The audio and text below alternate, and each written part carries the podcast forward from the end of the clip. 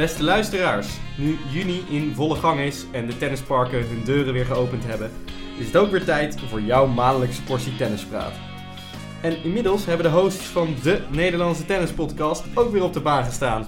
En kan ik gewoon weer eens met recht zeggen dat mijn vaste dubbelpartner Jort weer naast me zit. Hoe is het met de vorm, Jort? Ja, gaat eigenlijk wel lekker. Uh, het is wel weer fijn om, uh, ik denk dat ik twee keer per week op de baan sta. Ja, lekker aan het trainen en uh, geen, geen officiële wedstrijden. Dus het is wel lekker om het seizoen zo een keer te beginnen in plaats van meteen eerste week april twee keer tennissen op de baan staan. Dus ja, gaat wel goed. En bij jou? Bij mij ook oké, hoewel ik wel een afspraakje bij de sportarts heb volgende week. Voor wat klein fysiek malheur, maar dat mag de pret niet drukken ook. Ik uh, heb alweer een aantal keer op het gemalen baksteen gestaan. Goed jongens, journaal van juni. En ook weer met een nieuwe tafelgast. Tegenover mij zit hij namelijk, ex-bondstrainer en tennisfanaat Mark Kuipers. Leuk dat je vanavond aan wilde schuiven, Mark. Dankjewel jongens, dankjewel. Heb jij al een beetje gespeeld? Uh, ik denk een keer of vijf inmiddels. Op het gemalen baksteen van de Delftzout. Dat is lang niet gek. Hey, uh, ik wil de intro een beetje kort houden. We hebben veel te bespreken deze maand. Uh, ik denk dat jullie allebei bekend zijn met de setup. Ik heb uh, drie actuele onderwerpen verstopt in drie oude tennisballen. Die liggen voor je, Mark. En ja, aan jou om ze één voor één tevoorschijn te toveren. Dus ik ben benieuwd waar jij mee gaat komen. Nou jongens, allereerst uh, dankjewel dat ik hier mag zijn. Hè, dat ik hier maar aan mag aanschuiven.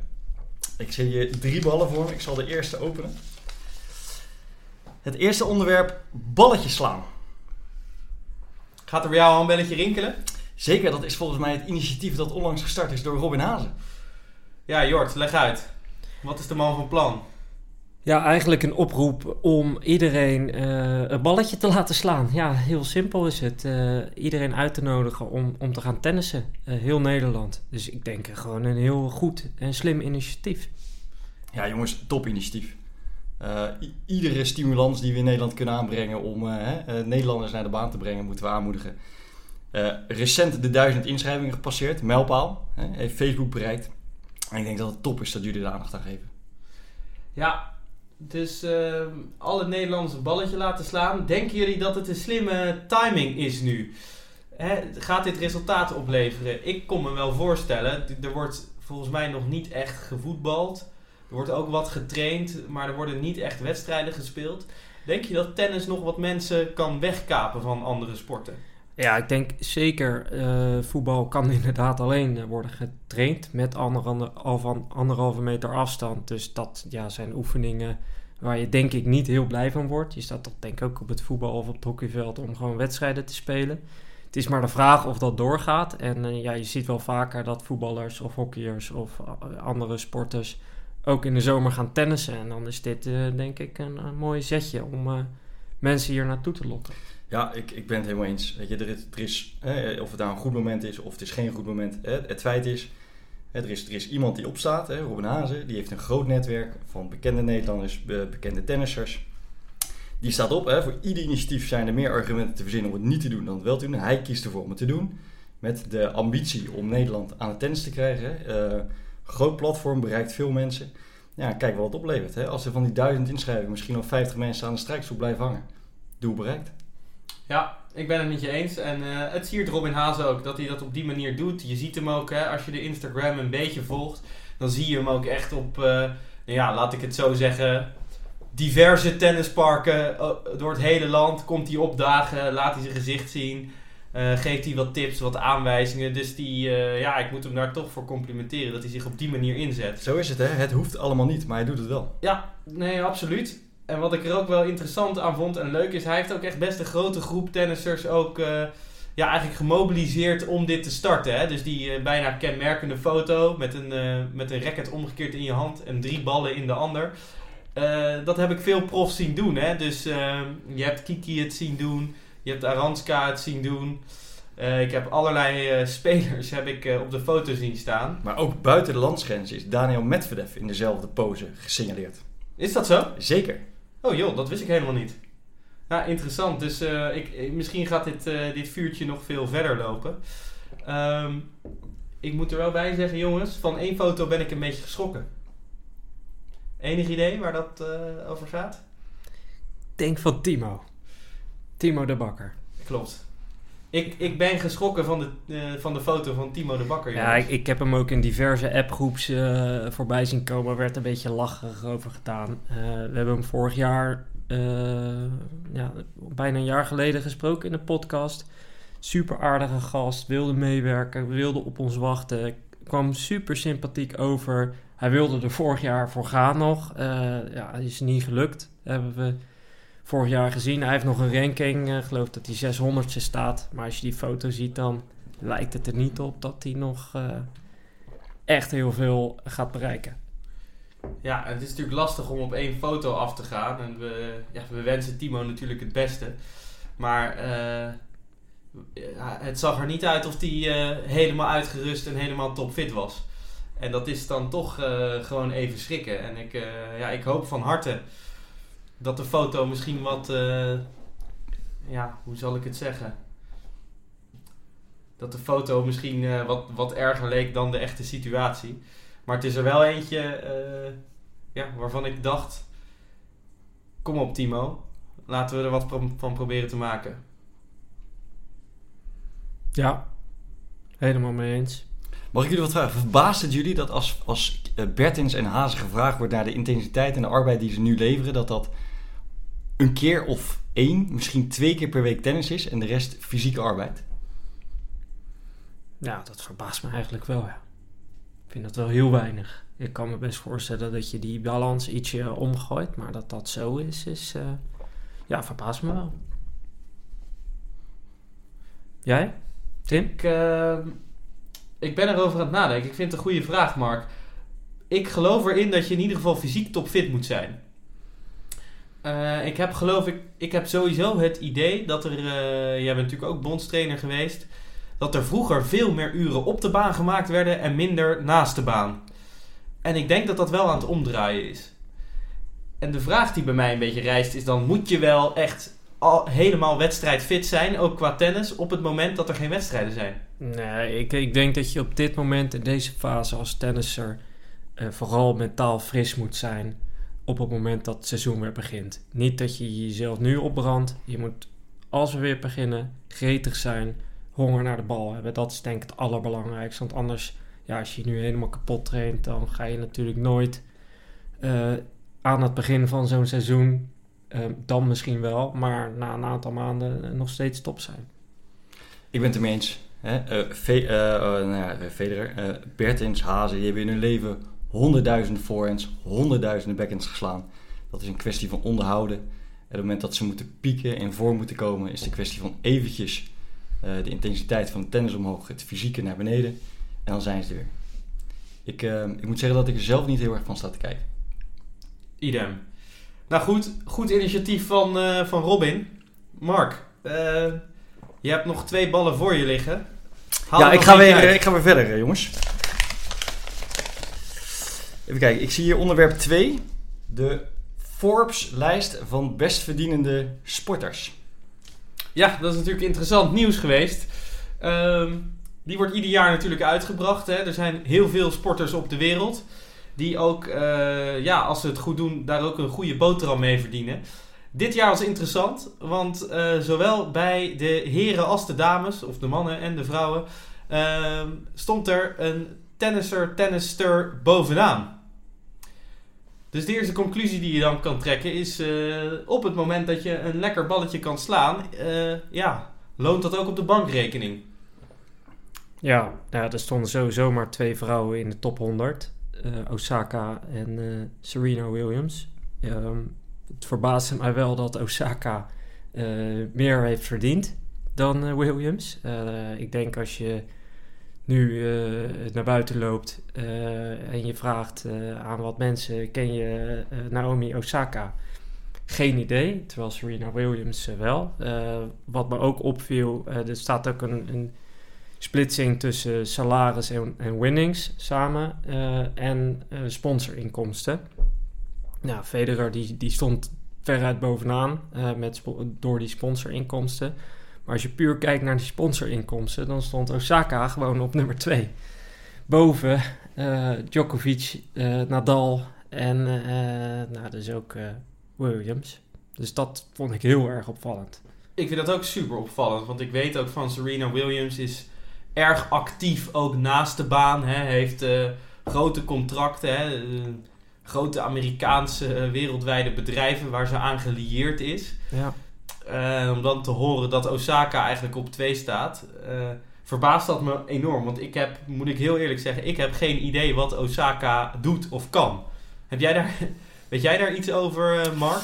Nou jongens, ik wist dat dit onderwerp zou komen, dus ik, ik, uh, ik heb me er uh, wat in verdiept. Nou ja, wat, wat ik interessant vind is, Federer is dus goed voor meer dan 100 miljoen dollar per jaar. Ja. Dus 100 miljoen dollar per jaar. Um, Osaka was dan goed voor 37,4 miljoen. Nou, dat zijn astronomische bedragen waar ik eigenlijk niet zoveel mee kan. Hè. Wat ik, waar je wel wat mee kan is de rangschikking. Hè. Vinden wij dat een Federer meer hoort te verdienen dan een Ronaldo, hè, die, dan, die dan volgt op die lijst. Maar als je kijkt, het gat tussen Federer die 1 staat en Djokovic die 23 staat op die lijst. Hè, met, met gevolg door 44, ook een astronomisch bedrag. Maar het feitelijk is Federer dus in, in relatieve, uh, is 2,5 keer zoveel waard dan een Djokovic marktwaarde eigenlijk. Hoe kijken jullie daar tegenaan? Je dat terecht? Ja, heel bijzonder. Maar dat, ja, als je een beetje naar die lijst kijkt, uh, staan er zes tennissers in. Uh, twee Japanners uh, Nishikori en, en Osaka. En Federer wordt natuurlijk gesponsord door een Japans merk. Dus het, lijkt toch ook wel ergens in die Japanse hoek te zitten, als je het zo ziet. Verder is het wel ook het verschil tussen Federer en Djokovic, maar ook Nadal. Ja, is enorm. Ik vind dat wel heel, heel bijzonder, blijkbaar. Daarnaast is Federer op weg om de eerste tennismiljardair te worden van de geschiedenis. De kans is groot dat in 2020 de eerste miljardair wordt. En dan begeeft hij zich in het rijtje van de Mayweathers, de Jordans, de Tiger Woods, de Schumachers. Uh, inmiddels een uh, contract met 13 grote merken. Uh, de, de, de grootste die is natuurlijk de Uniqlo. 300 miljoen voor 10 jaar tijd. Of hij nou tennist of niet, dat interesseert ze niet. 300 miljoen voor 10 jaar tijd.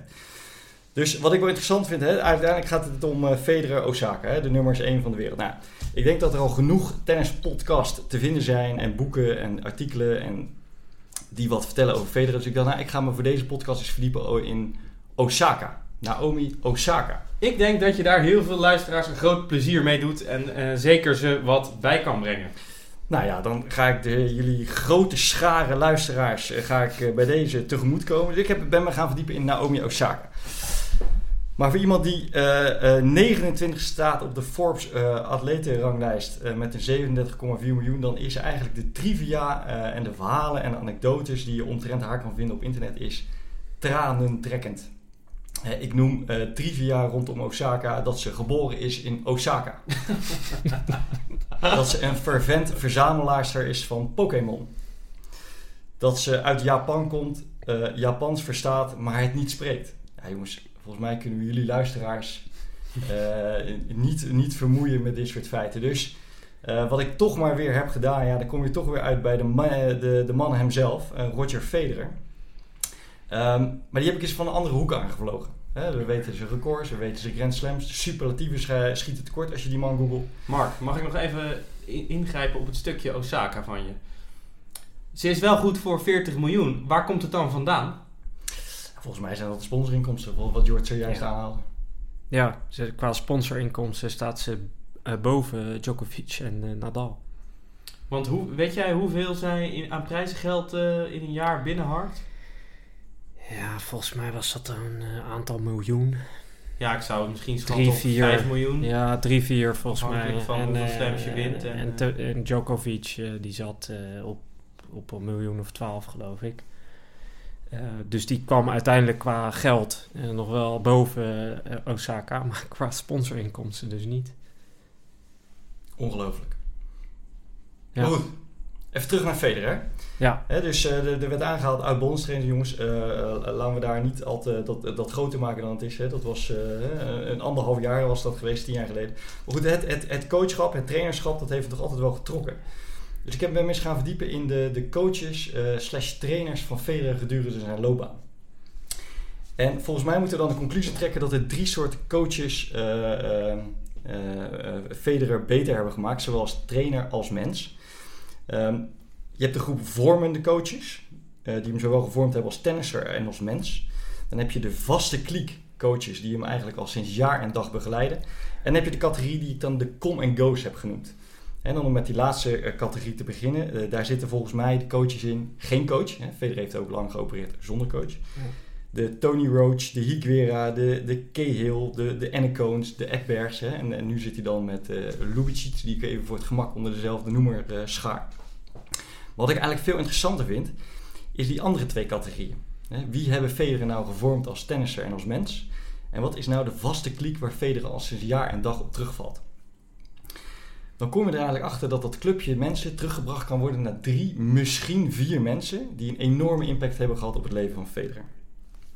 Zoals jullie en waarschijnlijk de luisteraar ook wel weten, hè, Federer geboren in Basel, heeft leren tennissen bij de Old Boys Basel Club. En daar hebben eigenlijk twee trainers hem uh, dicht tegen hem aan bemoeid. Dat is Adolf Kakowski en Peter Carter. Hè. Peter Carter, het is een uh, Australiër. Vervolgens is, is, uh, is Federer naar Ecublens geweest. Dat is een paar uur rijden van, van, van Basel. En daar heeft hij zijn tenniscarrière voortgezet. Maar met name die Peter Carter, die heeft een, een enorm belangrijke rol in het leven van Federer gespeeld. Toen Federer zijn, zijn profcarrière begon, hè, eigenlijk in 97. Nou, we kennen Federer nog wel, hè, een, een, een terrible op de baan. Maar goed, toen ontfermde Peter Carter de Australië over hem. Enorm belangrijke man geweest, zowel op mentaal gebied als op technisch vormend gebied voor Federer. Uh, in 2000 scheiden hun wegen. Een goede drie jaar hebben zij met elkaar samengewerkt voordat Federer verder ging met Pieter Lundgren. Alleen die Pieter Carter die is altijd op de achtergrond aanwezig geweest als uh, vertrouwensman en adviseur uh, van Federer. Maar goed, hè, we kennen de geschiedenis van Federer tussen 97 en, en 2001, 2002. iedereen zag het enorme potentie van die man, maar het kwam maar maar niet uit. Hè. Het is provoceren, het was schelden, het was racket gooien, het was wangedrag. Iedereen vond het zonde, zonde, zonde. Want wat kon die man goed tennissen? En toen was het de uh, 2002. Federer speelde toen de tijd een toernooi in Toronto, in Canada. Toen hij een berichtje kreeg van het thuisfront. En dat ging over zijn voormalige coach. Hè, en, en, toen de tijd dus vertrouwenspersoon, toen hij werkte met Lundgren. Dat Pieter Carter was verongelukt. Pieter Carter was uh, in Australië, was met zijn vrouw naar Zuid-Afrika gegaan. Een huwelijksreis. Ehm, in een safari, noodlottig ongeval. Er kwam een tegemoet, tegemoetkomende mini, minivan. Ze raakten van de baan en eigenlijk waren ze ter plekke dood. Toen dat nieuws Federer bereikte, nou, toen zijn er eigenlijk twee belangrijke dingen gebeurd. Dat, dat mag worden gezien als een van de belangrijkste vormende gebeurtenissen in, in Federers leven. Enerzijds is Federer daar tot inkeer gekomen van, ja jongens, er is veel meer dan tennis dan alleen dit. Het is allemaal toch wel vergankelijker hè, dan het allemaal lijkt. En Peter Carter, uh, Carter die uh, zou zich in zijn graf omdraaien als ik mijn talent verkwansel. En eigenlijk vanaf die dag zie je een andere Federer. Dus op de, op de vooravond van de hegemonie van Federer, 2004-2008, is dit voorval plaatsgevonden. Um, enorme belangrijke gebeurtenis voor Federer geweest. Hè. Dus om nog één te zoomen op Peter Carter.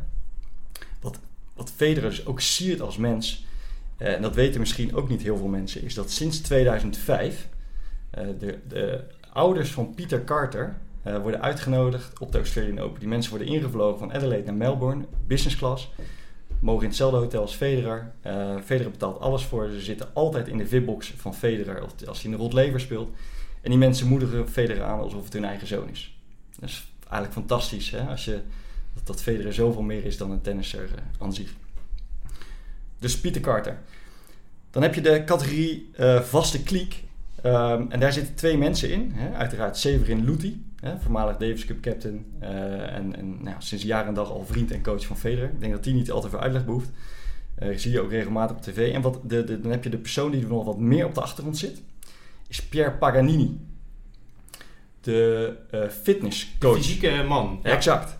Die hebben, ze leren, die heeft ook, die hebben Federer en, en Paganini hebben elkaar leren kennen in EQ Blends. Dus toen Federer verhuisde van Basel naar EQ om daar verder te trainen, uh, hebben ze daar leren kennen. Die kennen al 20 jaar, die werken al 20 jaar met elkaar. En wat daar interessant is in die samenwerking, hè, dus eh, vandaag de dag zie je dat eigenlijk alles gemeten wordt en met doelen. En we moeten uh, bloed en, en, en, vegans. Hè. En als je kijkt naar het, het, het stramien van Djokovic, nou, dat is natuurlijk een monniken bestaan. Federer zegt, nou als ik trek heb in een ijsje, neem ik een ijsje. Uh, en, en, Paganini die houdt er ook zijn eigen, uh, eigen methode op na. Die zegt eigenlijk van ja, ik ken Federer eigenlijk al zo lang. Ik heb mijn leven gewoon gewijd aan het lijf van Roger Federer. als die man de gym opkomt, uh, binnenkomt lopen of als de baan opkomt, hij zegt, ik weet precies wat de prikkel moet zijn. Ik ken die man zijn lijf zo door en door en door.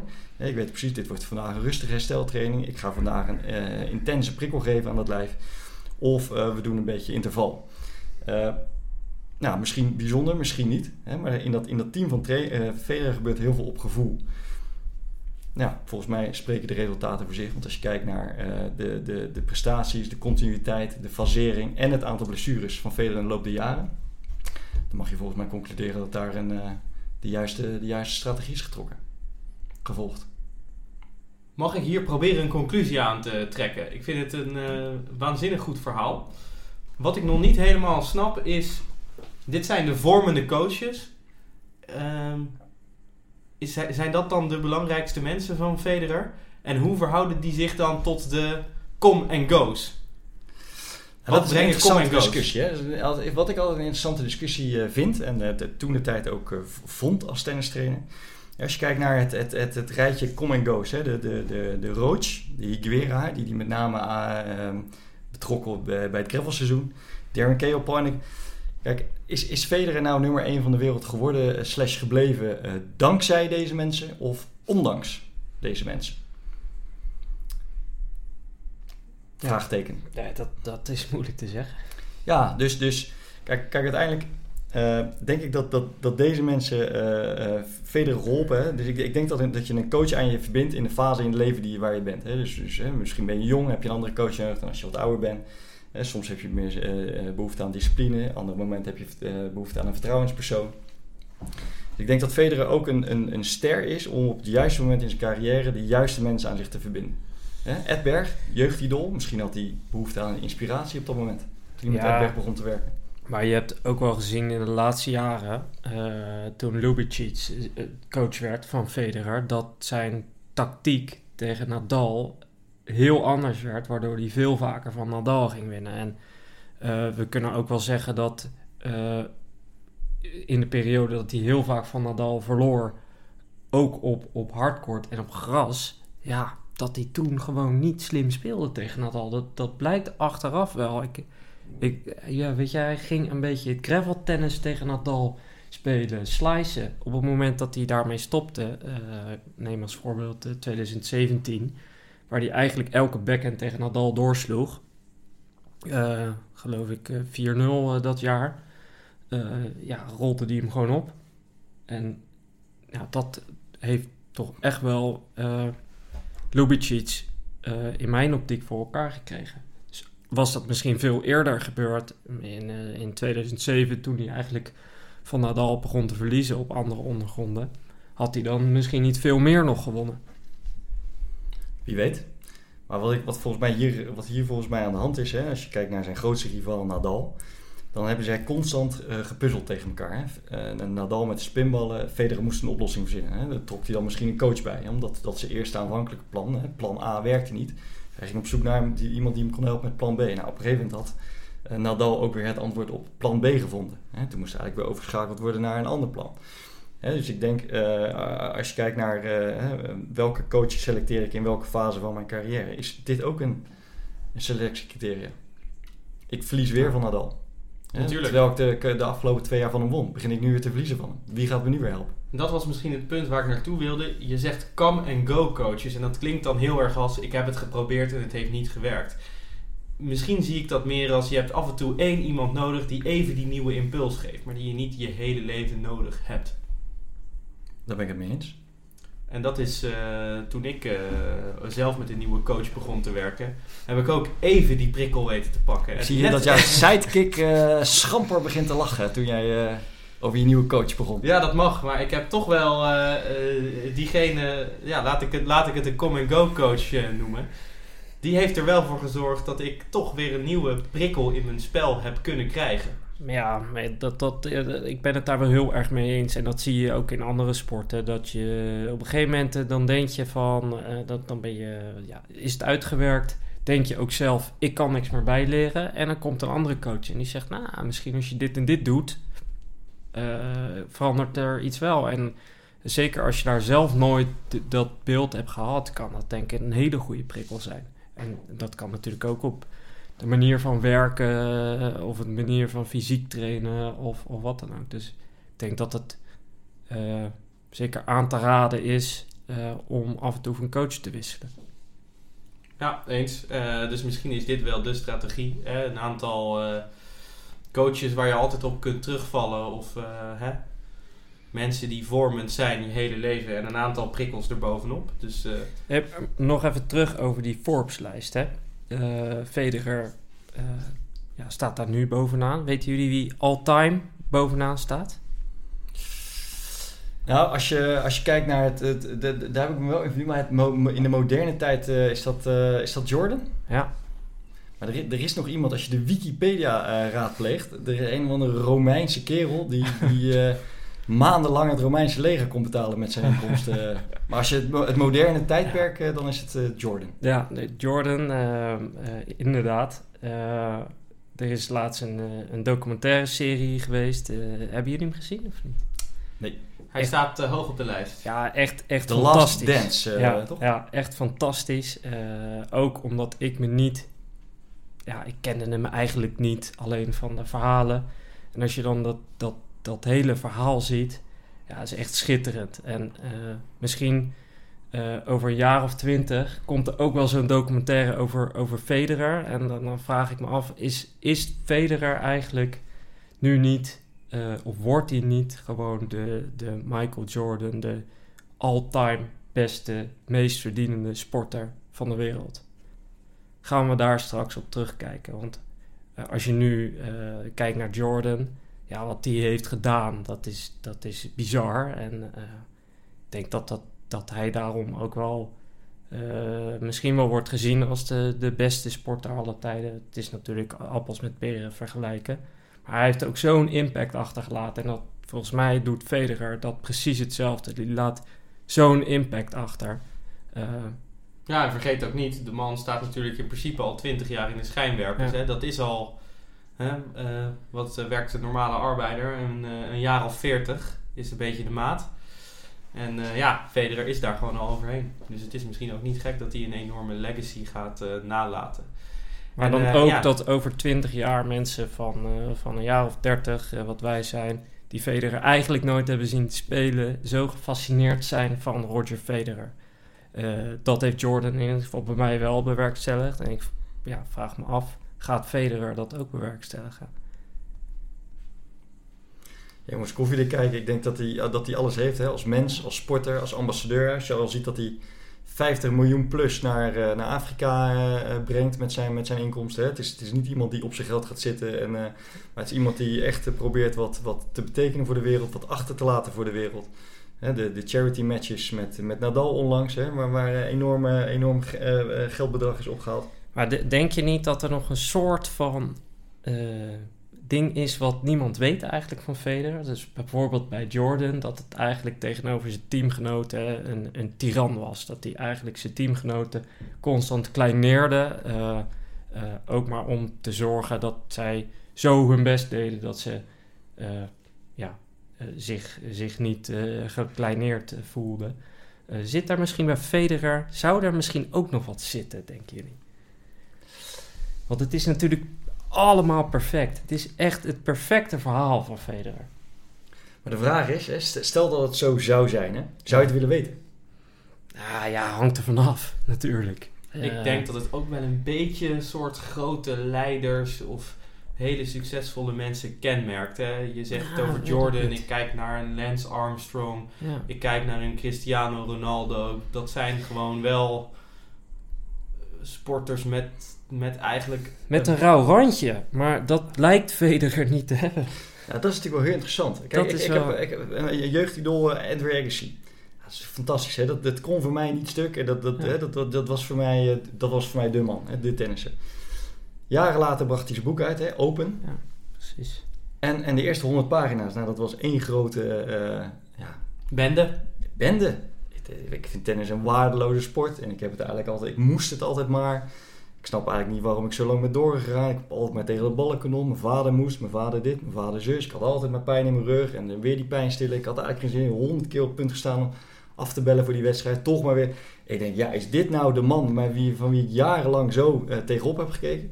dicht gedaan en ook naar gekeken. Ik, dan hoef ik het ook niet te weten. Hetzelfde met Federer. Is voor mij gewoon uh, de perfecte man. Hè? Uh, op de baan, naast de baan. Laat mij in de bubbel leven dat Federer uh, ook altijd zo geleefd heeft.